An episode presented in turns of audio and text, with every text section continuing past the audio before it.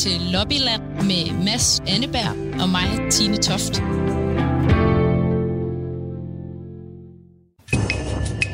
Coronavirus spreder sig ekstremt hurtigt. We will be successful if we work together. Fra i morgen, der lukker de danske grænser. The lack of solidarity. We will be reminded by the Italians. We are all in this moment Italians. Kæmpe stort velkommen til Lobbyland her på en dejlig onsdag eftermiddag, hvor at du og jeg, Tine, vi står i det samme rum. Nærmere bestemt et studie. Ja, velkommen hele vejen ind i studiet. Tusind tak. Og du, været- du er her jo faktisk kun fordi, at du har snydt karantænereglerne. Fuldstændig. Det har været en enormt lang rejse fra, at jeg kunne komme hjem øh, til Danmark fra Belgien. Og jeg skulle jo have siddet i corona-isolation nu, hvis ikke det var fordi, at øh, jeg havde været i, i Herning, simpelthen at få foretaget sådan en drive-in coronatest, hvor de lige, jeg kørte lige ind i et telt, og så stak de lige sådan ting ned i halsen på mig. Og øh, så kørte jeg ud igen, og så fik jeg svar ja, 24 timer senere, og jeg har ikke corona. Ja, og det regner jeg stærkt med, nu når vi står trods alt så tæt på hinanden. Ja, det er jo det. Og det er jo det, vi kan nu. Vi kan stå tæt på hinanden, vi kan kigge på hinanden, vi kunne i princippet øh, give hånd, hvis ikke det var fordi, at der stadig er corona. Ja. Og, øh, Og strikse regler på Radio 4. meget strikt. Og håndsprit over alt i studiet Ja, nu står du lige og spritter. endnu en gang. øhm, og det vi jo også kan, det er at give jer en øh, øh, næsten en hel time med, øh, med EU i, øh, i programmet Lobbyland her, hvor vi sådan traditionelt set jo prøver at få mere ud af EU på Danmarks vegne. Og hvad skal det handle om i dag, Tine? Øhm, det skal handle om, at øh, hvis nu en virksomhed har taget en aktiv beslutning om at placere en del af ejerskabet i skattely, så skal den virksomhed ikke have del i alle de hjælpepakker og penge, som alle andre får. Det var jo i hvert fald det, vi hørte i april fra vores regering og faktisk hele Folketinget øh, i sådan en helt ny, særlig hjemmestrikket aftale, som aldrig er set før. Øhm, og det er jo sådan set den aftale, vi har snakket om øh, hele ugen, og som det skal handle om senere i dag. Fordi det er en aftale, hvor man kobler hjælpepakker til et krav om, at man ikke må have base i et skattely. Ja, og det er jo alle de her penge, som vi lige nu giver til, til, til virksomhederne, fordi de ellers vil have meget svært ved at, ved at klare den. Og hvor der så er nogen, der har sagt, hov, hov, skal vi nu lige måske i hvert fald begrænse det, sådan at man ikke kan fordele de her penge, hvis man rent faktisk har forsøgt at undgå at betale skat i Danmark. Præcis. Øhm, og det lød også ret flot, og historien øh, gik også verden rundt. Den var i øh, Reuters, mener jeg, det var. Og Venstrefløjen var stolt. Altså, Pernille Skipper skrev på Twitter, og der var sådan ret stor glæde over den her aftale. Men nu har det så vist sig, at aftalen ikke rigtig rammer nogen. Altså, øh, fordi virksomheder, der har fået millioner fra den danske stat, men stadigvæk i sidste ende har et ejerskab i eksempelvis et skattely som Cayman Island, de kan stadig få pengene. Og øh, det har altså gjort et par af de venstreorienterede partier øh, godt gale i skralden, øh, fordi de synes, at regeringen har udhulet den flotte aftale, som de troede, de havde lavet. Det bliver ingenting. Det bliver en fis i en hornlygte. Fis i en hornlygte. Øh, det skal vi høre mere om øh, lidt senere, øh, fordi der er jo en grund til, at vi tager det op her i programmet, Mads. Det er rigtigt. Det er jo fordi, at øh, fra Socialdemokratiets side, altså fra regeringens side, siger man, at det er EU-regler, der står i vejen for, at vi ligesom kan ramme flere virksomheder, eller i det hele taget ramme nogle virksomheder, øh, som har ejerskab i skattely. Ja, og det kan vi jo ikke rigtig sidde over og høre i her i Lobbyland. Altså, Nej. hvis det er EU-regler, der forhindrer os i at sige, at det kun er dem, der udviser øh, samfundssind ved ikke at have nogen form for ejerskab i skattely, så skal vi jo have ændret de regler, øh, hvis det altså er EU-regler, der står i vejen. Øhm, og det øh, er der uenighed om. Og derfor så taler vi med eksperter og politikere, og øh, vi har også glæden af at have skatteordfører Truls øh, Ravn med fra øh, Socialdemokratiet lidt senere. Og så skal vi fejre et helt særligt jubilæum. Og det er egentlig bare fordi, jeg jo gerne vil sige øh, tillykke. Ja, det er en god dag i dag. Og jeg har også indtryk af, at det er derfor, man flager øh, over, over hele landet. ja. Hvorfor blev der flaget over hele landet i går? Det øh, finder vi ud af lidt senere i programmet. Men allerførst, der skal vi tale lidt om penge.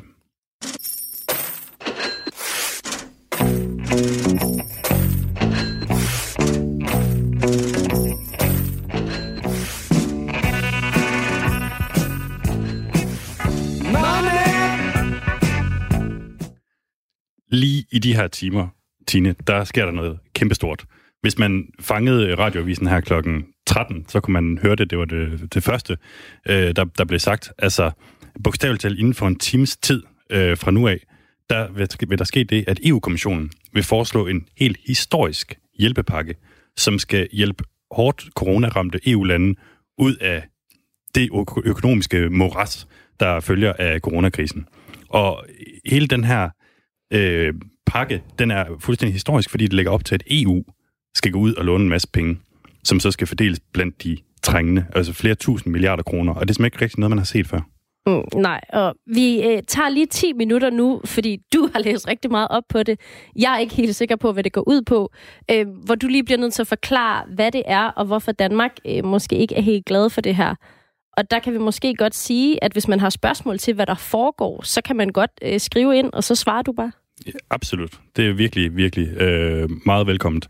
Og, og vi kan lige sige, det er jo så på 1424, og husk at skrive R4 i starten af beskeden, så ja. kan man skrive ind. Det er nemlig der, du kan sende din sms ind, hvis du har spørgsmål. Det her omkring den økonomiske genopretning i Europa, det er nok det vigtigste EU-spørgsmål i ligesom vores tid. Hvordan skal det skrues sammen? Skal det være overførsler eller lån? Skal det være solidarisk eller ligesom hjælp til selvhjælp? Øh, og for os i Danmark, Tine, der bliver det jo virkelig en test af, hvor højt vi ligesom værdsætter EU. Hvor meget vil vi det egentlig? Vil vi være med til, at der kommer en solidarisk løsning, hvor vi så i sidste ende, du og jeg, kommer til at betale for, at andre lande kan komme på fod? Eller vil vi blive ved med at holde fast i, at pengene skal betales tilbage af dem, der har fået dem? Mm. Det bliver ligesom spørgsmålet. Og Altså det, jeg har læst løbet af ugen, det er, at der har været en kæmpe diskussion af, øh, hvor, hvor gavmild man skal være, øh, versus hvor meget man skal holde igen med pengene. Og der har vi jo talt om før, at vi er i Danmark en del af øh, Spareklubben. Mm. Øhm, og derfor så er vi vel øh, ret trætte af det, der kommer nu, eller hvad? Jamen, det, øh, ser det ud til, at vi er. Ja. Altså, det, det er der ikke nogen tvivl om. Jeg har jo, øh, hvad skal man sige, vi, vi skal jo understrege, at det her præsentation altså fra EU-kommissionen, den kommer lige om lidt, så vi har sådan lidt en idé om, hvad, hvad der kommer, men ikke helt præcist. Og så skal det jo først vedtages, og alle lande skal være enige. Og forud for i dag, der har der jo været nogle forskellige lande ude og give deres besøg med, mm. i forhold til, hvad de synes. Og det startede med, jeg kan finde den her presse Mitteilung, øh, Tyskland og Frankrig, som ja. var ude at sige, hvad med om vi sat noget, der ligner 3.700 milliarder danske kroner af, og så gav til dem, der har mest brug for det i forbindelse med corona-genopretningen, og så behøver de ikke sådan betale det tilbage. Det var ja. deres forslag. Ja, Øh, det er så mange penge. Du sagde det også så hurtigt, at man kan bare høre, at det er så stort et beløb, at man kan næsten ikke forholde sig til det. Jeg kan i hvert fald ikke forholde mig til det. Det er, ja. det er rigtig mange penge. Ja, så det er Angela Merkel og Macron, som går sammen, de to største, stærkeste EU-lande, og siger, vi giver bare, øh, det må være Sydeuropa, man, man henter til en hel masse penge. Ja, det er Sydeuropa. Det er jo selvfølgelig Italien, det er jo også Spanien, det er sikkert også Frankrig, det er jo også, øh, hvad skal man sige, en del af hemmeligheden her, ikke? Øhm, og må, måske kan man også komme i en situation, hvor Danmark kan få lidt del i pengene, men det bliver helt klart nogle andre, der, der, der står først i køen.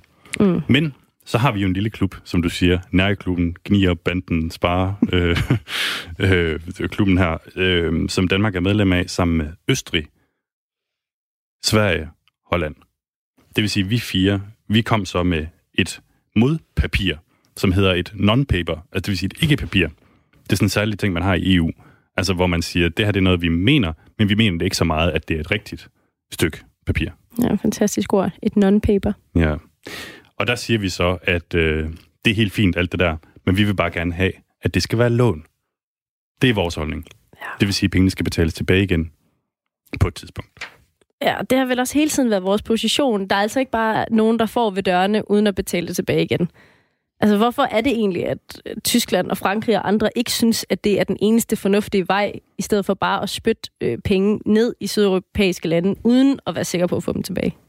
Ja, men det er jo så fordi, det er jo der solidariteten kommer ind i billedet, ikke? Fordi det kan du ikke bare... Altså, de skylder ret mange penge væk i forvejen, sådan et land som Italien, ikke? Ja, præcis. så det vil sige, det kan faktisk være noget, der får dem fuldstændig i knæ, det her. Hvis vi bare står og insisterer på, nej, det skal I bare øh, selv ligesom få styr på. Okay, ja. Så det handler om at sikre, at økonomien ikke dejser sammen hele vejen rundt i Europa. Det er jo det, det gør. Øhm, okay, så vi har øh, de store lande og Sydeuropa øh, mod os små øh, fire lande. Øhm, øh, altså, har vi overhovedet en chance? Altså hvis Merkel og Macron har sagt det her, så kan vi vel ikke, som altså igen relativt små lande som Danmark, Østrig, Sverige, Holland, bare klampe fødderne i? Eller kan vi godt, hvis vi virkelig vil, sige, at det kommer ikke til at ske? Det kan vi jo godt. Altså, i princippet så er det jo sådan, at hver eneste land kan jo nedlægge veto mod hele den her konstruktion, fordi det netop bliver en del af det, som er EU's langsigtede budget, og hvor der skal være enstemmighed. Så vi kan jo godt bare lægge armene over kors og sige nej. Og er det så det, vi gør? Det tror jeg ikke. Fordi der skal jo findes en eller anden løsning, og det er vi jo også i Danmark enige i. Mm. Altså, man er bare lidt uenig om, hvordan det skal foregå på sigt med at betale pengene tilbage. Altså, et langt stykke af vejen, der er man nu faktisk rigtig enige. Og det er man i, at vi låner alle sammen en hel masse penge nu, som så kan betale for det her, som vi gerne vil have. Og så på et tidspunkt, altså om syv år, så begynder vi at betale af. Men så er spørgsmålet, er det så dem, der har lånt pengene, der betaler det af? Eller er det os alle sammen, der betaler af det af? Og vi vil helst ikke have, at det er os alle sammen. Det vil vi helst ikke, nej. Okay. Øhm, der, altså, var Tyskland ikke lidt på vores side på et tidspunkt? Altså, har de vendt os ryggen, eller hvorfor står vi så relativt alene med, med de tre andre smålande? ja, fordi før hele det her corona kom ind i billedet, der, der havde vi jo bare en, en snak om, hvad skal man sige, hvordan skal vi skrue EU's budget sammen i det hele taget. Og der var Tyskland jo sådan mere eller mindre på vores side, som sådan et lidt femte medlem af, af næreklubben. fordi de jo også har traditionelt den holdning, at de skal jo ikke ud og poste en masse penge i, i lande, som ikke øh, klarer det så godt økonomisk, øh, fordi det lidt har været deres egen skyld, måske, nede i de lande, der er indtil nu. Men nu er Tyskland simpelthen vendt på en, på en tallerken, øh, med det argument, at corona ikke er nogens skyld. Mm. Giver det mening? Ja, altså det er ikke det samme som, at du, du har brugt for mange penge, og derfor så skylder du. Øh, som vi før har anklaget de sydeuropæiske lande for at gøre. Ja, så det har været Angela Merkels, altså den tyske kanslers argument for at sige, nu har vi en ny holdning. Og ikke bare det, så har tyskerne jo så også tilladt sig at gå ud og sige, altså pege fingre af os mm. i Danmark, fordi vi ikke vil være med til det. Ja, og, og det er vel også lidt diskussionen nu. Jeg kan godt se, at der er rigtig mange, der er ude og kritisere den danske regering for, at vi altså, står for stejlt øh, sammen med Spareklubben på det her. Øh, men kan vi ikke være ligeglade?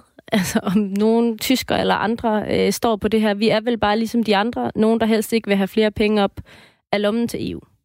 Jo, det er vi jo. Men man kan sige, i og med, at alle skal blive enige, før det kan øh, komme på tale det her, før det, vi kan komme i gang og med at, at give penge ud til, til noget som helst, hvad enten det så skal være det ene eller det andet, så skal alle være enige. Og jeg tror ikke, vi har interesse i i Danmark at ligesom være dem, der kaster grus i, i maskineriet på nuværende tidspunkt. Altså, mm. det, det, det er sådan lidt, så er man godt nok den, den trælse gæst til, til festen. Ja, men mindre man står sammen. Altså, det hænger vel også, afhænger vel så også af, om Sverige og Holland og Østrig også er så gode venner, at vi bliver ved med at stå sammen, eller om der er nogle af landene, der sådan efterhånden begynder at sige, okay, vi bøjer os lidt, vi er alligevel solidariske.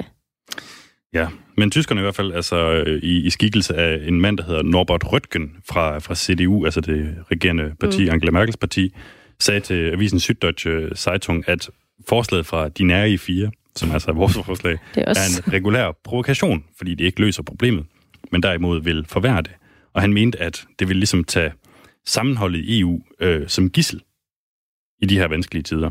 Mm. Så det er jo noget med, altså... Øh, ja, vil, vil, vi, vil vi være med til det, eller vil vi ikke være med til det? Og det, det bliver jo et spørgsmål, som Danmark som man skal gå op med sig selv nu. Mm. Vil vi gå på kompromis og sige, okay, vi havde en holdning, men nu finder vi et, et sted i midten, eller vil vi stå på, at det vil vi altså bare ikke? Mm. Og hvornår øh, finder vi ud af det? Jamen det, igen, der kan nok ikke gå alt for lang tid, fordi det er en, en hastesag, det her. Øh, det er jo nogle penge, der er brug for lige nu. Så må ikke vi finder ud af det i løbet af de næste par måneder. Mm. Og altså, kan du ikke bare lige sige beløbet en gang til? Altså, det som EU-kommissionen nu i dag kommer til at, at lægge op til, det er jo det, som EU's økonomikommissær, øh, som i øvrigt er italiener, har tweetet for, for en, godt en time siden. Det hedder 750 milliarder euro. Okay. Og så skal du så gange med cirka 7,5, så får du et beløb, der hedder 5.600 milliarder kroner. Hold kæft, det er mange penge. Og det vi så ikke ved, altså bare lige det sidste spørgsmål, det er, at vi ved ikke rigtig, hvor meget af, det svimlende beløb, der skal gives i direkte tilskud, Nemlig. Og vi ved ikke, hvor meget der så skal være lån. Altså, det er det, de skal diskutere os. Ja, det er nemlig det, de skal. Og, og det, som kommissionen formentlig kommer til at lægge op til, øh, skriver øh, i hvert fald øh, det medie, der hedder Politico, er, at to tredjedel er noget, vi giver, og en tredjedel, det er noget, man, man skal selv betale tilbage. Okay. Yes. Vi kommer til at følge det her ret øh, tæt selvfølgelig. Hvor mange penge skal Danmark ende med at hoste op øh, med? Ender vi med at nedlægge veto, eller må vi øh, gå på kompromis? Øh, det følger vi øh, faktisk over flere programmer. Det har vi også talt om mange gange. Men øh, nu skal vi til at tale om det, vi startede med, nemlig skattely.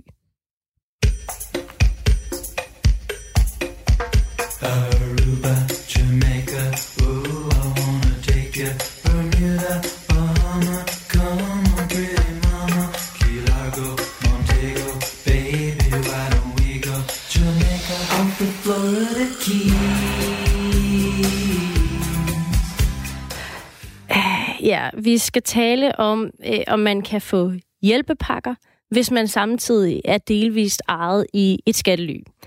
Øhm, for i Danmark, der har vi altså i løbet af coronakrisen givet nogle øh, ret voldsomme pengebeløb til virksomheder, så de ikke skulle gå konkurs. Og de er selvfølgelig i sidste ende betalt af os og alle mennesker og, og virksomheder, der betaler skat. Øhm, men hvis nu en virksomhed har gjort øh, en masse krumspring for at placere en del af et ejerskab i et land, hvor man ikke rigtig skal betale skat. Øh, hvis man for eksempel har forbindelse til et skattely, hvor man kan flytte en del af deres penge hen, så øh, mener øh, en række partier i Folketinget altså ikke, at det er rimeligt, at man også kan få fingrene ned i fælleskassen. Ja, lige præcis. Og det var så faktisk også det, som regeringen og, og et, et, et øh, bredt flertal i øvrigt tænkte i midten af april, hvor den stolt gik ud og proklamerede, at ingen virksomheder med base i skattely skulle kunne fordele de her hjælpepenge. Øhm, og det hele det er ligesom baseret på de skattely, der er på EU's sortliste. Det kan vi måske lige komme tilbage til senere. Mm. Det er 12 lande, øh, rimelig eksotiske lande. Og nyheden om, om det her, at Danmark ligesom øh, gjorde det her, gik faktisk øh, verden rundt og har inspireret andre lande også, såsom Frankrig og Polen, øh, til at gøre noget lignende. Ja, men, og der er bare et ret stort men her, øh, og det var også det, vi nævnte før, at nu viser det sig altså, at reglen ikke rigtig ændrer noget. Fordi virksomheder med en form for ejerskab i for eksempel et skattely som Caymanøerne, Panama eller øh, Seychellerne, øh, stadig kan få og modtage penge. Øhm, og det fortæller Christian Hallum her øh, til dig, Mads. Han er skattespecialist i den NGO, der hedder Oxfam IBIS. Øhm, og de har sammen med TV2 gennemgået de virksomheder, der kan søge pengene. Danmark har den her regel om, at man kan ikke modtage hjælpepakker fra, fra regeringen, hvis man er etableret i et, i et skattely. Mm-hmm. Hvor mange rammer det?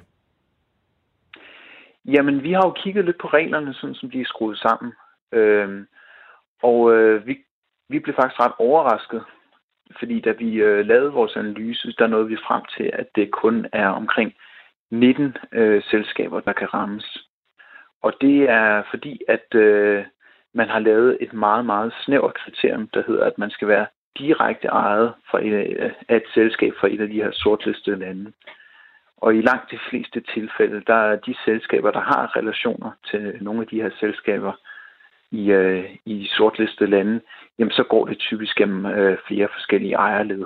Øh, så øh, i praksis så er det meget, meget få øh, selskaber, det her det drejer sig om. Hvor mange af de 19 har søgt om hjælpepakke? Der er ikke nogen af de 19, der har søgt. Så det betyder jo også i praksis, at det reelt ikke øh, resulterer i nogle ændringer. Altså der er ikke, det får ikke nogen, øh, nogen, nogen praktisk betydning i forhold til, hvilke virksomheder, der får adgang eller ej. Ja, nu siger du, det, det er 19, øh, hvis man har den her, altså hvor det skal være det direkte led. Øh, hvor mange ville det være, hvis det bare var øh, indirekte også? Ja, det er svært at sige det med 100% sikkerhed, men vi har i et simpelt opslag øh, i en øh, virksomhedsdatabase i hvert fald kunne finde omkring øh, 175 danske selskaber, hvor vi kan se, at øh, de ultimativt ejes fra et af de her sortlistede, sortlistede lande. Så det er jo allerede kan man sige, en ret øh, meget større gruppe af, af selskaber, og i øvrigt også nogle typer selskaber, hvor vi typisk er oppe og, og snakke om helt andre omsætninger og antal ansatte osv. Fordi det hører også med til historien, at de her 19 virksomheder er ganske, ganske små, øh, stort set ikke har omsætning, og har meget, meget få ansatte, og flere af dem ingen ansatte overhovedet. Ja. Det siger altså Christian Hallum, som er skattespecialist i NGO'en Oxfam Ibis. Øh, og de er selvfølgelig utilfredse med, hvad skal man sige, at det ikke går videre, det her øh, fra, fra regeringens side. Øh, man kan lige øh, stoppe op og sige, at vi faktisk har fået en sms. Øh, der står desværre ikke lige afsender på. Det skal I så huske at bare lige skrive navn øh, efter sms'en, som I sender til 1424. Øh, det er da regeringens egen skyld, at nogen kan snyde, fordi skat ikke har styr på deres egen lovgivning, skriver vedkommende. Og det er jo strengt taget rigtigt. Altså, Ja, vi vender i hvert fald tilbage øh, til det her med, hvad er det for noget lovgivning, der står i vejen, eller ikke står i vejen. Fordi det her handler jo ikke nødvendigvis om, at virksomhederne har gjort noget som helst ulovligt. Nej, netop. Øhm, altså fordi de har placeret øh, forskellige ejerskaber i forskellige lande. Det er ikke ulovligheden her. Det handler om, at vores regering øh, sammen med Folketinget har ment, at der er noget urimeligt i, øh, at man har base i skattely, som det hedder i aftalen. Øhm, og men man kan så bare sige, at det, som bliver resultatet af den ligesom, aftale, der er blevet indgået, det er, at langt de fleste af de virksomheder, som sender overskud fra Danmark i skattely, jamen de kan fortsat få glæde af de her, det er jo næsten 400 milliarder kroner, som Folketinget har stillet til rådighed for hjælpepakker, hvis de ligesom opfylder selvfølgelig alle de andre kriterier, der skal opfyldes. Øh, så igen, så vil vi gerne spørge jer derude. Send en sms til 1424 R4 Mellemrum. Hvad mener du? Er det et problem, at virksomhederne, som har en eller anden form for ejerskab i et skattely, kan modtage penge fra hjælpepakker? Ja, skriv ind til 1424. Øhm, og øh, fordi, altså det centrale er jo også her, at bare et par dage efter beslutningen, der understregede øh, Socialdemokratiets øh, skatteordfører, Troels Ravn, øh, at pointen var, og det sagde han til politikken, det er en klar betingelse, at virksomheder ikke må benytte skattely, hvis de skal have del i statslige hjælpepakker under coronakrisen. Men efterfølgende, da øh, både TV2 og Information gravede frem, øh, at virksomheder, der benytter skattely, godt kan fordele pengene, så satte det altså gang i, i debatten. Og der er for eksempel en virksomhed, øh, der hedder Gate Gourmet. De laver øh, flymad. Øh, det er fantastisk fascinerende mad, man kan få i fly, som stadig nogle gange kan smage rigtig godt. Øhm, og de har altså modtaget 42 millioner i støttekroner, selvom det endelige ejerskab øh, ligger øh, på Caymanøerne, som altså er sortlistet på EU's sortliste. Og det er altså her, hvor, hvor argumentet kommer ind fra regeringens side, altså at øh, de må ikke, på grund af EU-regler, lave en bredere forståelse af, af ejerskabet, altså inkludere det, der hedder indirekte ejerskab. Og derfor kan, så kan man ikke ramme flere med den her lov. Og der spidsede vi jo selvfølgelig ører, som du var inde på tidligere, Tine. Ja. Altså, kan det nu virkelig passe, at hvis vores regering virkelig vil stoppe de her hjælpepakker til virksomheder, som benytter skattely, så kan de ikke rigtig komme igennem med det alligevel, på grund af EU-regler. Ja, og vi har spurgt Skatteministeriet for at finde ud af, hvad er det præcis for nogle EU-regler, der står i vejen her. Øhm, og i et svar, der skriver Skatteministeriet, at det her handler om EU's regler om fri etableringsret. Og det er altså en vurdering, det her fra Skatteministeriets og Erhvervsministeriets embedsmænd, der har været inde og kigge på det. Og de mener altså, at man ikke må afskære virksomheder, som er ejet af øh, mellemliggende selskaber i andre EU-lande. Bare fordi man kan se, at de længere op i ejerstrukturen er ejet af et andet land på EU's sortliste, for eksempel Caymanøerne eller Panama. Altså med andre ord, selv hvis en virksomhed er ejet i sidste ende i Panama, men de også er delvist ejet i Luxembourg eller Holland, så må man ifølge øh, den her vurdering ikke afskære virksomheden penge for EU-retten. Mm. Og, og det er så faktisk det også, øh, der gør sig gældende for, for den virksomhed, der hedder Gate Gourmet, som ikke direkte er ejet af en fond på, på Caymanøerne, men hvor strukturen går igennem, hvad skal man sige, øh, ejerskaber, som er placeret i blandt andet Singapore, men også øh, i Luxembourg, øh, inden at man så kan, øh, i hvert fald ifølge Dagbladet Information, følge ejerskabet hele vejen til Caymanøerne. Ja, og, og det er så her, der er en diskussion af EU-regler, fordi igen, det er jo derfor, vi tager det op, hvis der er EU-regler, der står i vejen for det her, kan vi så må ændre det? Eller kan det godt være, at, at EU-reglerne måske ikke står i vejen? Og det har vi jo særligt været interesseret i, fordi vi også har fundet ud af, at Frankrig og Italien også har lavet regler med bredere definition. Og derfor bliver det jo bare helt vildt centralt, om vi må eller ikke må. Ja, det har vi nemlig. Og, øh, og i, i det franske eksempel, for eksempel, jamen der, øh, der siger man, at man kan godt tage øh, datterselskaber på, på, på, på den måde med, som, som vi ikke tror, vi, vi kan i Danmark. Øh, under alle omstændigheder, så ringede vi til advokat med speciale i skatteret, Eduardo Vistisen, som blandt andet har procederet for EU-domstolen, og som ved en masse om de her skatteretlige EU-spørgsmål. Eduardo Vistisen. Hej Eduardo, det er Mads Anneberg fra Radio 4. Hej. Jeg skulle høre, øh, jeg og en kollega har sådan et EU-program her på radioen, hvor øh, vi i morgen øh, kigger lidt nærmere på det her med øh, skattely og de krav, der er i forbindelse med, med, med hjælpepakkerne her i Danmark. Jeg vil høre, om jeg må stille dig et spørgsmål. Ja, selvfølgelig. Øhm, er det muligt inden for EU-retten at sige, at de her regler også skal gælde indirekte ejerskab? Ja, det er det. Jeg er helt sikker på, at der ikke er noget EU-retligt, som, som kunne gøre det jamen, besværligt eller umuligt. Øh, jamen altså, det, det, det, det korte svar er, at ja, det er muligt. Det lange svar er, at det, som EU-domstolen har sagt, det er, at øh, hvis du ikke er ret, hvis en indirekte ejer ikke er den retmæssige ejer, så kan man ligesom se igennem det, den, øh, det indirekte ejer, altså det mellemliggende øh, holdingselskab. Er du med på, hvad jeg siger? Måske. Jeg skal jo prøve at uddybe ja, lidt mere. Ja, ja, ja, ja, altså, indirekte ejerskab, det betyder, at der er skudt et, et selskab ind imellem ejeren og det danske selskab. Mm. Så det vil sige, at det lange svar er på det spørgsmål, det er, at øh, de danske regler kan også godt gælde indirekte øh, ejerskab, hvis det mellemliggende selskab ikke er retmæssig ejer af det, dan- af det danske selskab. Altså, den korte, den korte version af det lange svar, det er, ja, det er muligt, når det mellemliggende selskab ikke er retmæssig ejer. ja, jeg tror, det, vi kan alle sammen godt høre, at det her det er sindssygt langhåret. Ja. Øh, og man skal nok have studeret jura i, i lidt længere tid, end du og jeg, Tine, for at, at helt være, være med ombord. Men sagen er i hvert fald den, at ifølge den her skatteadvokat, altså Eduardo Vistisen, som, som vi ringede til, jamen så kan det godt lade sig gøre, øh, hvis man vil, øh, simpelthen at, at, at tage nogle flere firmaer med. Og der er jo i hvert fald nogle partier, øh, som vi var inde på før, som har sagt, at jamen, det skal vi da helt klart prøve at, at, at få udvidet, sådan at de her regler rent faktisk får nogen øh, betydning i det hele taget. Og du ringede til den politiske ordfører for SF, Carsten Hønge. Jo, men regeringen lever ikke op til den aftale, der er lavet. Altså, aftalen var klokkeren. Øh, altså, at øh, ingen firmaer, der har ejerskab i skattely, skal kunne modtage penge fra hjælpepakker. Og så kan det ikke nytte noget, at regeringen bagefter sådan øh, løber om hjørner ved at sige, nå, nå, men det skulle nærmest forstås på en anden måde, og vi kan alligevel ikke rigtig gøre noget.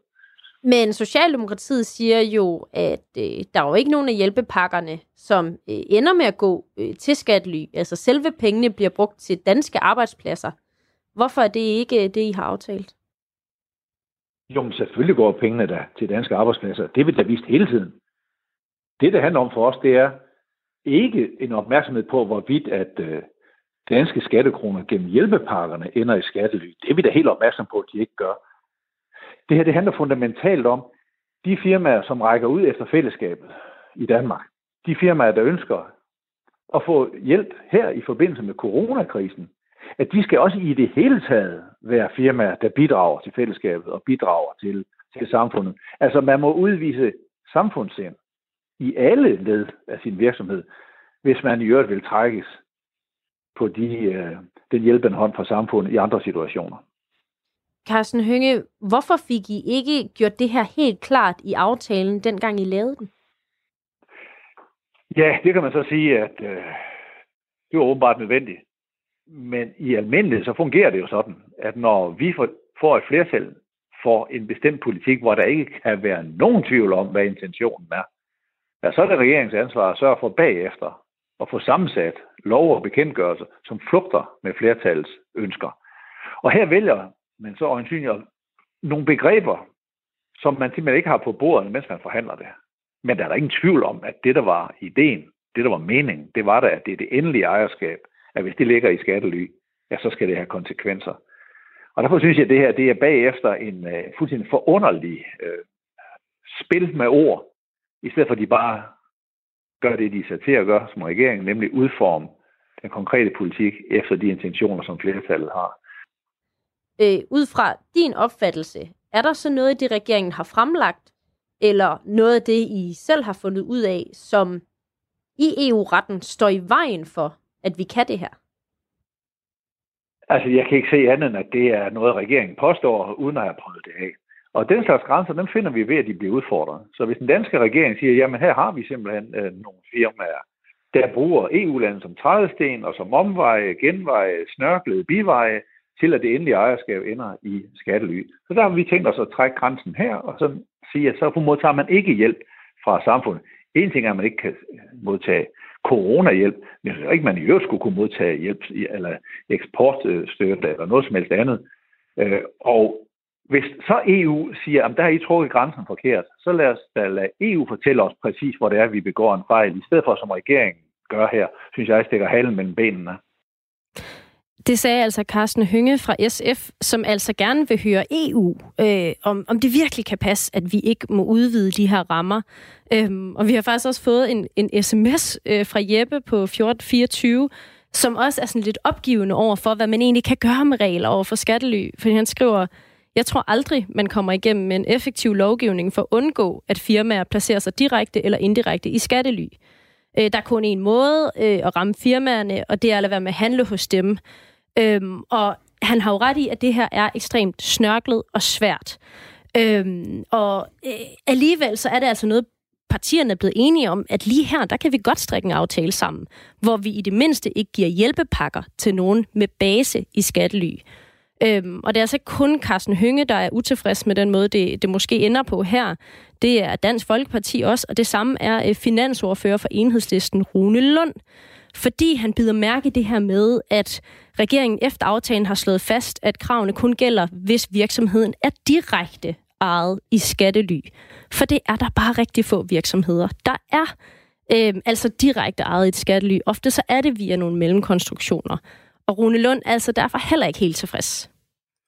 Problemet er så nu, at regeringen øh, de prøver at kringle sig udenom den aftale, vi har lavet, ved at sige på misvisende vis, at EU-reglerne ikke giver os mulighed for at nægte hjælpepakker til virksomheder i skattely øh, i, i virkelighedens verden, fordi de har en definition, der siger, at hvis at øh, for at vi kan nægte hjælpepakker, så skal virksomheden være direkte ejet, altså direkte fra f.eks. Cayman Islands øh, eller et andet skattelyland og øh, til Danmark. Men sådan er ingen af de her virksomheder struktureret. Det er jo altid nogle virksomheder, hvor det går over Luxembourg eller Holland, og så ender det i sidste ende i et skattelyland. Og derfor så er regeringsdefinitionen, den gør, at aftalen bliver fuldstændig ligegyldig. Det bliver ingenting. Det bliver en fis i en hornlygte. Men det værste er jo, at regeringens argumentation for, hvorfor det ikke kan lade sig gøre, nemlig at EU ikke tillader det, det passer simpelthen ikke. Der er nemlig muligheder i EU-reglerne for, at, øh, at vi, kan, vi kan ramme de her virksomheder, som har base i skattely, også selvom de er organiseret i flere led. Nu har du også kaldt det fis i en hornlygte. Øhm, mm. Føler du dig ført bag lyset? Jeg er faktisk ret tosset over det her, fordi at øh, her har vi en gylden mulighed for rent faktisk ikke bare at tale om at gøre noget ved virksomheder baseret i skattely, men rent faktisk øh, gøre noget ved det. Og vi har ovenikøbet nogle EU-regler, som ikke står i vejen for os i det her tilfælde. Og i det tilfælde, så vælger den danske regering så ikke at ville bekæmpe skattely. Så, øh, så, så, men altså, regeringens argumentation, den øh, holder efter vores øh, bedste bevisning overhovedet ikke. Det er jo så din vurdering. Nu læser jeg lige vurderingen op fra Morten Bødskov, øh, skatteministeren, som har skrevet det her i en skriftlig kommentar til information, hvor han skriver, at øh, det kun altså, han skriver, at jeres aftale kun omfatter de virksomheder, der er direkte ejet på grund af øh, blandt andet EU-retten. Øh, og han siger, efter disse regler kan man ikke hindre udbetalingen af kompensation til danske virksomheder, der for eksempel indgår i koncernstrukturer med selskaber i andre EU-lande. Det gør i den forbindelse ingen forskel, hvem der bagved ejer selskabet. Hvorfor holder øh, den kommentar fra Morten Bødskov så ikke? Det er simpelthen, fordi det ikke er rigtigt. Øh, og der har jo også været eksperter ude at sige, at, øh, at regeringens fortolkning af EU-reglerne, den er alt for absolut og alt for firkantet. Fordi hvis man netop laver en konkret vurdering af virksomheden, om der er reelt indhold, så kan man gå ind og, og, og nægte hjælpepakker. Og, øh, og nu, nu må vi jo se på, jeg kan forstå, at der i andre lande, øh, Skotland, øh, Italien, der har man til synligheden en, øh, en anden forståelse af EU-retten end den danske regering, og en forståelse af EU-retten, som, som, som, som efter min øh, opfattelse og vurdering, og også med de eksperter, jeg snakker med, ligger meget mere øh, i forlængelse af, hvordan EU-retten rent faktisk er. Så jeg mener, jeg forstår simpelthen ikke, at, at, at regeringen øh, fortolker reglerne på den her meget absolute måde, måde, hvor de siger, jamen der er ikke mulighed for det, fordi det bør der være. Det sagde altså Rune Lund øh, fra Enhedslisten. Øhm, og det er altså øh, nogle øh, oprevne ordfører her, og det øh, skal vi selvfølgelig tage videre øh, til Socialdemokratiet, øh, hvor vi har inviteret Troels Ravn med i programmet. Kan du høre os, Troels?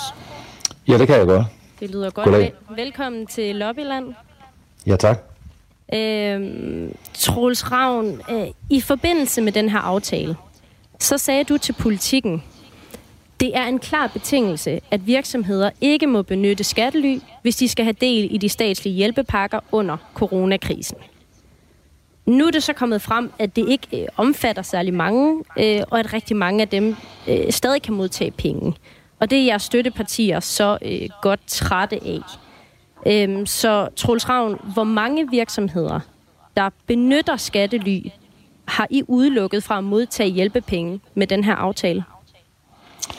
Altså må jeg godt uh, have lov til at indlede med lige at sige, at, at jeg forstår godt, hvis, uh, hvis folk bliver harmfulde og tænker, at, at det kan ikke passe, at vi skal give hjælp til virksomheder, som ikke vil betale skat i Danmark. Uh, Øh, vi har en regering, øh, der har som topprioritet at bekæmpe skattesny og skatteunddragelse og aggressiv skatteplanlægning. Og jeg kan også fortælle, at øh, den her hjælp, de her hjælpepakker er gået til danske CVR-numre, danske adresser, det er danske medarbejdere, der har fået lønkompensation. Efter øh, hjælpepakkerne, der ydes der kun kompensation for virksomhedernes tab på aktiviteter, der er skattepligtige i Danmark. Og den kompensation, der ydes, den er en videre skattepligtig her i landet. Altså, der er altså ikke tale om, at virksomheder med base i udlandet uden videre kan føre de beløb, øh, der ydes som kompensation, skattefrit ud af landet. Men det, er altså Troels, ret, øh, det er altså ret centralt at få, få slået fast. Troels Ravn, nu siger du øh, det her med, at de her specifikke penge fra hjælpepakkerne, de kommer ikke ud af landet.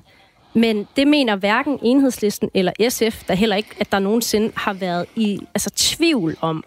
Du skal lige høre et lille klip med, med Carsten Hønge her.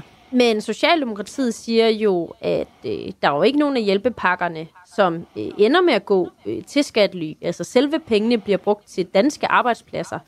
Hvorfor er det ikke det, I har aftalt? Jo, men selvfølgelig går pengene der til danske arbejdspladser. Det vil der vist hele tiden.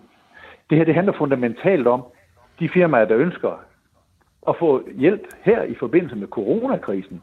At de skal også i det hele taget være firmaer, der bidrager til fællesskabet og bidrager til, til samfundet. Så hvis det viser sig... Øh, undskyld, altså han, Carsten Hynge her, han mener altså godt, at, øh, at det kan lade sig gøre. Øhm, og Troels Ravn, hvorfor er det, at virksomheder, der benytter sat, skattely, stadig skal kunne få adgang til hjælpepakker? Jo, men altså det helt centrale her er jo, at vi har holdt hånden under øh, danske virksomheder, danske arbejdspladser. Altså et, et eksempel. Øh, en virksomhed, der har øh, beholdt øh, medarbejderne og søgt øh, lønkompensation, der er regnstykket simpelthen helt enkelt. Altså for hver 100 kroner i løn, der får virksomheden kompenseret maksimalt 75 kroner. De resterende mindst altså 25 kroner betaler virksomheden altså selv. Så, så, så der er ikke mulighed for at, at lave skattetænkning og overføre nogle af de her hjælpepakkemidler til et skattely. Øh, og og, og, og, og det, altså det, det er jo det udgangspunkt, vi har for den her drøftelse. Og virksomheden her gør ikke noget, der er ulovligt. Og når vi så kommer ind helt centralt i forhold til de spørgsmål, så er det jo sådan i forhold til hjælpepakkerne, der vil det ikke være muligt, for eksempel gennem henvisning til en national sortliste, at afskære virksomheder fra kompensation, når der er tale om virksomheder, der er skattemæssigt hjemmehørende i EU eller hvis den direkte ejer ja, men... er skattemæssigt hjemmehørende i EU. Det vil være i strid med EU-rettens regler om fri okay. bevægelighed og den her fri etableringsret, som I også har omtalt. Så vi har ikke lovgivningsmæssigt grundlag for at, at kunne handle anderledes. Nu ved jeg ikke, om, om du nåede at høre det med her, da vi ringede til, til skatteadvokaten Troels, øh, som siger, at det, det, det kan man jo altså godt ifølge hans øh, opfattelse. Øh, eller vil du lige høre det igen? Jeg har hørt, øh, jeg har hørt øh, skatteadvokatens øh, udlægning. Okay, så hvad er det helt præcis, der, der står i vejen for, at, det, øh, at I kan det her? Det lovmæssige grundlag, vi som regering har handlet efter, og det er jo nogle af, af, af også de fremmeste øh, skatteeksperter i landet, øh, der har udtalt sig her, der øh, vil det være øh, imod øh, EU-retten, hvis vi går ind og, øh, og handler anderledes. Altså, vi har en regering, der vil bekæmpe øh, skattely, og øh, det vil være sådan, at øh, jeg tror, det er klogt, at man overholder sine EU-forpligtelser, og det retsgrundlag, der er. Øh, vi, under selvfølgelig, øh, vi undersøger selvfølgelig alle spørgsmål, der har rejst sig i den her sag, men det er helt klart, at udgangspunktet for den her indsats, det er EU-rettens grundlag, og det, øh, det, det er det helt centrale. Så det vil sige, hvis EU-kommissionen nu øh, kommer på banen og siger, at øh, det, det må I faktisk godt, det her, I kommer til at fortolke EU-retten lidt for, for, for snævert, altså det kan godt lade sig gøre at lave en bredere fortolkning af indirekte ejerskab. Øh, vil I så sørge for, at de her virksomheder også kan blive udelukket fra, fra hjælpepakker? Altså, øh, det, det, det, det, det må jeg jo betragte som, som værende øh, lidt hypotetisk, men det er da klart, at på bagkant af de her hjælpepakker, der kommer vi også til at evaluere på hele den her proces. Øh, men, men, men, men som tingene står, øh, og, og det er jeg sådan set helt tryg ved, så øh, er det vigtigt at sige, at øh, de her virksomheder har ikke gjort noget ulovligt, og vi har ikke et, et ret, retmæssigt grundlag i forhold til EU-retten og, og principperne omkring fri bevægelighed og fri etableringsret. Det har vi ikke mulighed for at kan gå ind bag de her virksomheders regnskaber. Og virksomhederne har ikke foretage sig noget ulovligt. Troels Ravn, der, der er faktisk heller ikke nogen i programmet, der, nogen... der har sagt, at nogle af virksomhederne har foretaget sig Ej, noget lovligt. Der er ikke nogen penge her, der kan øhm, overføres til skattely. Præcis, det har vi egentlig også været igennem. Spørgsmålet her øh, går jo på din holdning som socialdemokrat. Altså hvis det viser sig, at øh, embedsmændene i regeringen, som jo, så vidt jeg ved, ikke har spurgt EU direkte endnu, har fortolket lidt for snævert, og EU faktisk vurderer, at de godt må. Er det så din holdning, at virksomheder med indirekte ejerskab i skattely skal afskæres fra hjælpepakker? Jeg har den holdning, at øh, vi skal svare den skat alle sammen. Det skal vi som borgere, det skal vi som virksomheder, som den lovgivningsmæssige ramme, den sætter. Og øh, vi har en regering, der har som topprioritet, og at vi skal modvirke aggressiv øh, skattetænkning og vi skal bekæmpe øh, skattely. Derfor har vi også taget initiativ til på finansloven at oprette et nyt skattecenter, der blandt andet har det her som, som sin arbejdsopgave.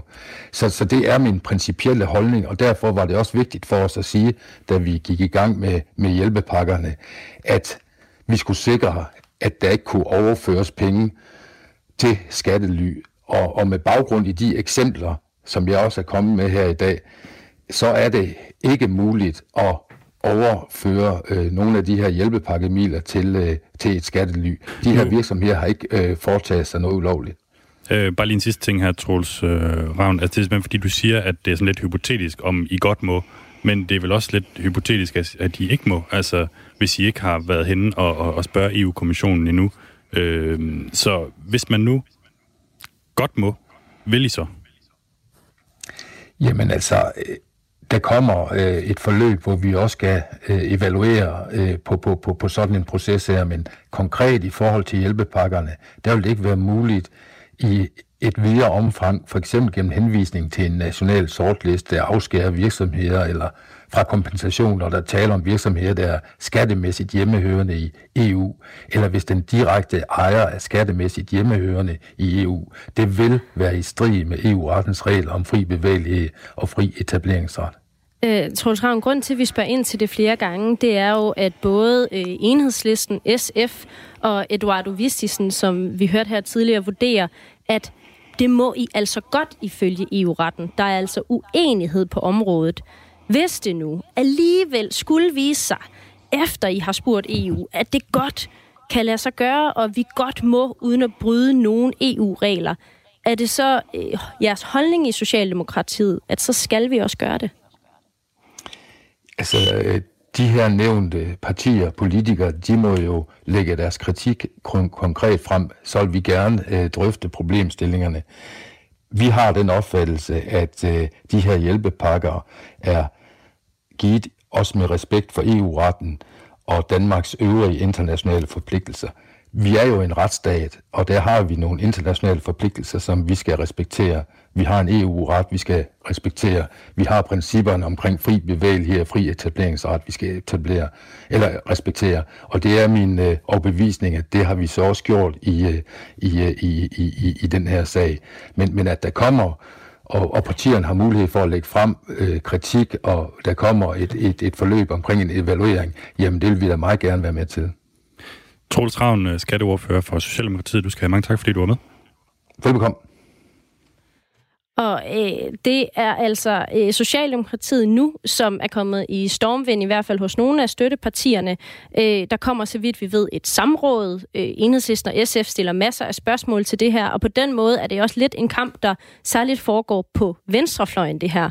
Fordi der er masser af partier i Folketinget, der står bag den her aftale, øh, men mange er sådan set okay med den måde, det har udmyndtet sig nu. Det er man altså ikke i SF, Enhedslisten og Dansk Folkeparti, og derfor så bliver det jo spændende at se, øh, hvis vi på nogen måde øh, som regering og land går til EU, om EU er enige med embedsmændene i Skatteministeriet og Erhvervsministeriet, at det her må vi ikke, eller om der måske er en eller anden måde, hvor vi alligevel godt må.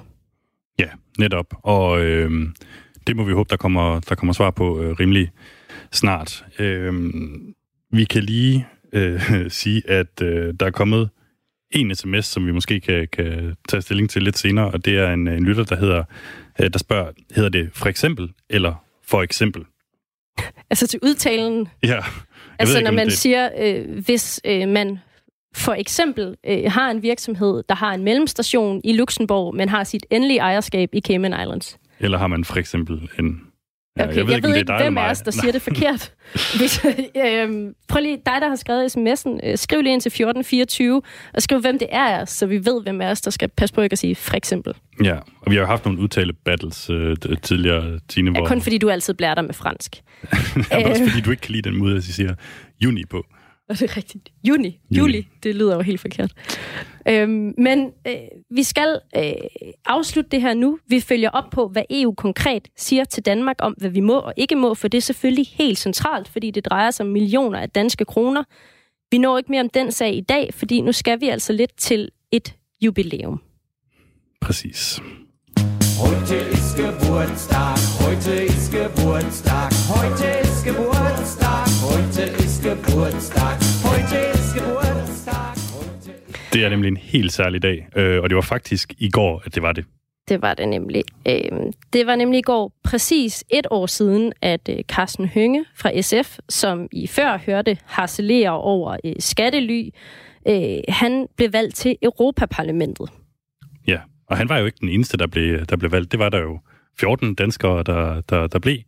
Men øh, Carsten Hønge, han var jo så den eneste, som bekendt, der ikke endte med at tage afsted. Nej, fordi der var jo altså også et andet sted, han skulle sidde, og der endte han altså med at vælge Folketinget i stedet for. Øhm, så vi ringede egentlig øh, øh, i, i god tone, god stemning for at sige tillykke til Carsten Hønge. Og det er egentlig bare fordi, jeg jo gerne vil sige øh, tillykke Ja, det er en god dag i dag. Og jeg har også indtryk af, at det er derfor, man flager øh, over, over hele landet. Og hvorfor er det? Ja, fordi det er et år siden, jeg blev valgt til EU jo. Er det ikke det, du siger tillykke med? Det er lige præcis det, jeg siger tillykke med. Ja, det tænker jeg da nok. Jo, jamen, jeg tænkte på det, at det er derfor, man helt fra tidlig morgen har flaget over hele landet. Jeg går ud fra, at det er for lige at markere en gang. Det var en historisk dag for et år siden. Altså den dag, du blev valgt til Europaparlamentet, og Carsten, hvor meget fortryder du, at du ikke bare tog til Bruxelles? Ja, jeg fortryder i hvert fald først og fremmest, at, vi, øh, at, at jeg stillede op, ikke, kan man sige, fordi det skabte så meget øh, tvivl om vores linje. Den her proces, vi havde omkring øh, valget der, det, øh, det findes der faktisk et ord for øh, at gøre red for. Og det var det undskyld. Fordi det var sgu ikke godt nok. Det var det bare ikke. Altså, øh, det er jo rigtig fint øh, på Christiansborg sådan at opføre sig taktisk over for hinanden, øh, men øh, mm det vi lavede der, det var, det var ikke godt nok. Det var det ikke, og det kommer aldrig til at ske igen. Vi har diskuteret det godt igennem i partiet, og øh, det var simpelthen en øh, fejldisposition, og det var en fejl at stille op, og det var en fejl for så vidt også ikke at tage imod det. Var, øh, det er sådan nogle ting, man kan blive klogere på bagefter. Ikke? Men udover alt det der, altså når du så ser, hvor fedt øh, Kira Maria Peter Hansen har det dernede, Mhm. mm-hmm. er der så ikke en del af dig, der også fortryder, at du ikke tog derned? altså seriøst, ikke? Altså, der er folk, der tror, at jeg bare sådan med et snuptag besluttede ikke at, at tage til, til EU. De tager fuldstændig fejl. Det var en meget svær beslutning, der tog lang tid. Jeg var oprigtigt interesseret i øh, at komme til EU. Partiets situation var bare så meget anderledes end, end, end, øh, end det, vi havde forventet. Det er svært at forestille sig i dag, men indtil et par måneder før, der var det helt fuldstændig usandsynligt, at vi skulle få to. Ja, omkring årsskiftet, der var vi endda i, i far for at miste øh, vores øh, mandat.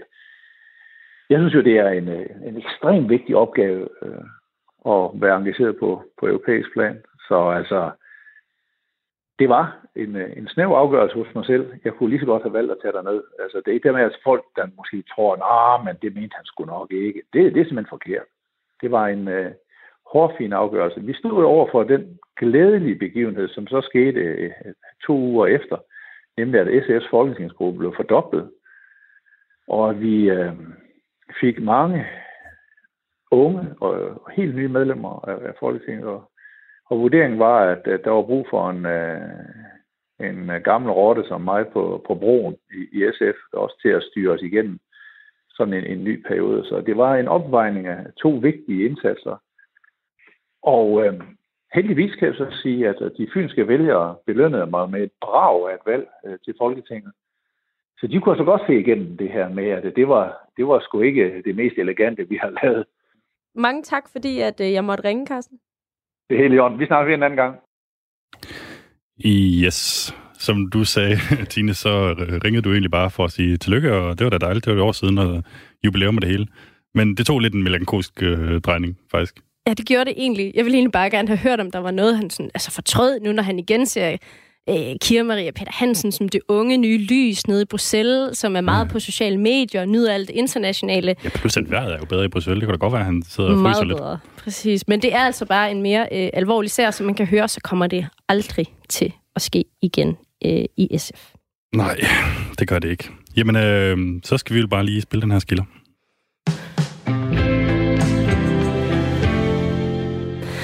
Ja, og vi kan måske bare lige nå øh, som et lille sidste twist øh, og afsløre, Mads, at du faktisk skylder øh, Belgien sindssygt mange penge.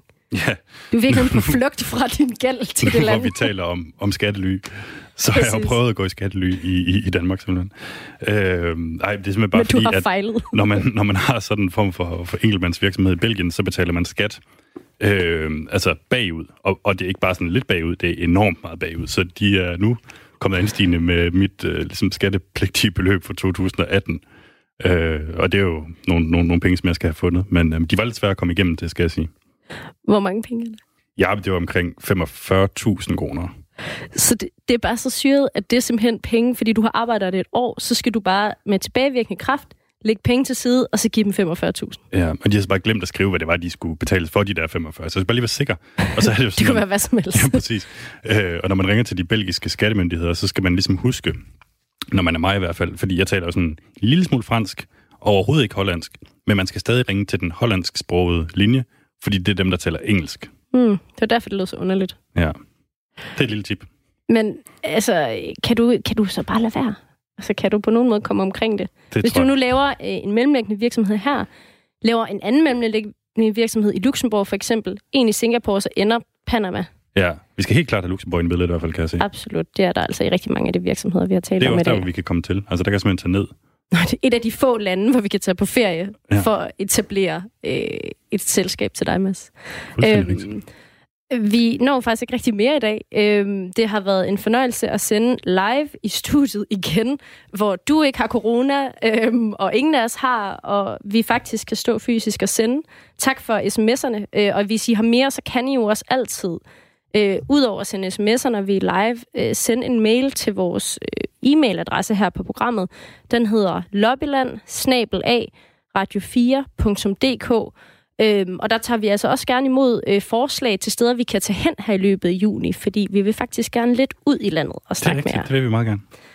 Øhm, så alle forslag, og selvfølgelig også ris og ros, ikke mindst til udtale af ord som for eksempel juni, juli, som jeg siger, som jo selvfølgelig hedder juni og juli, modtager vi altså også gerne. Tak for i dag, Tine.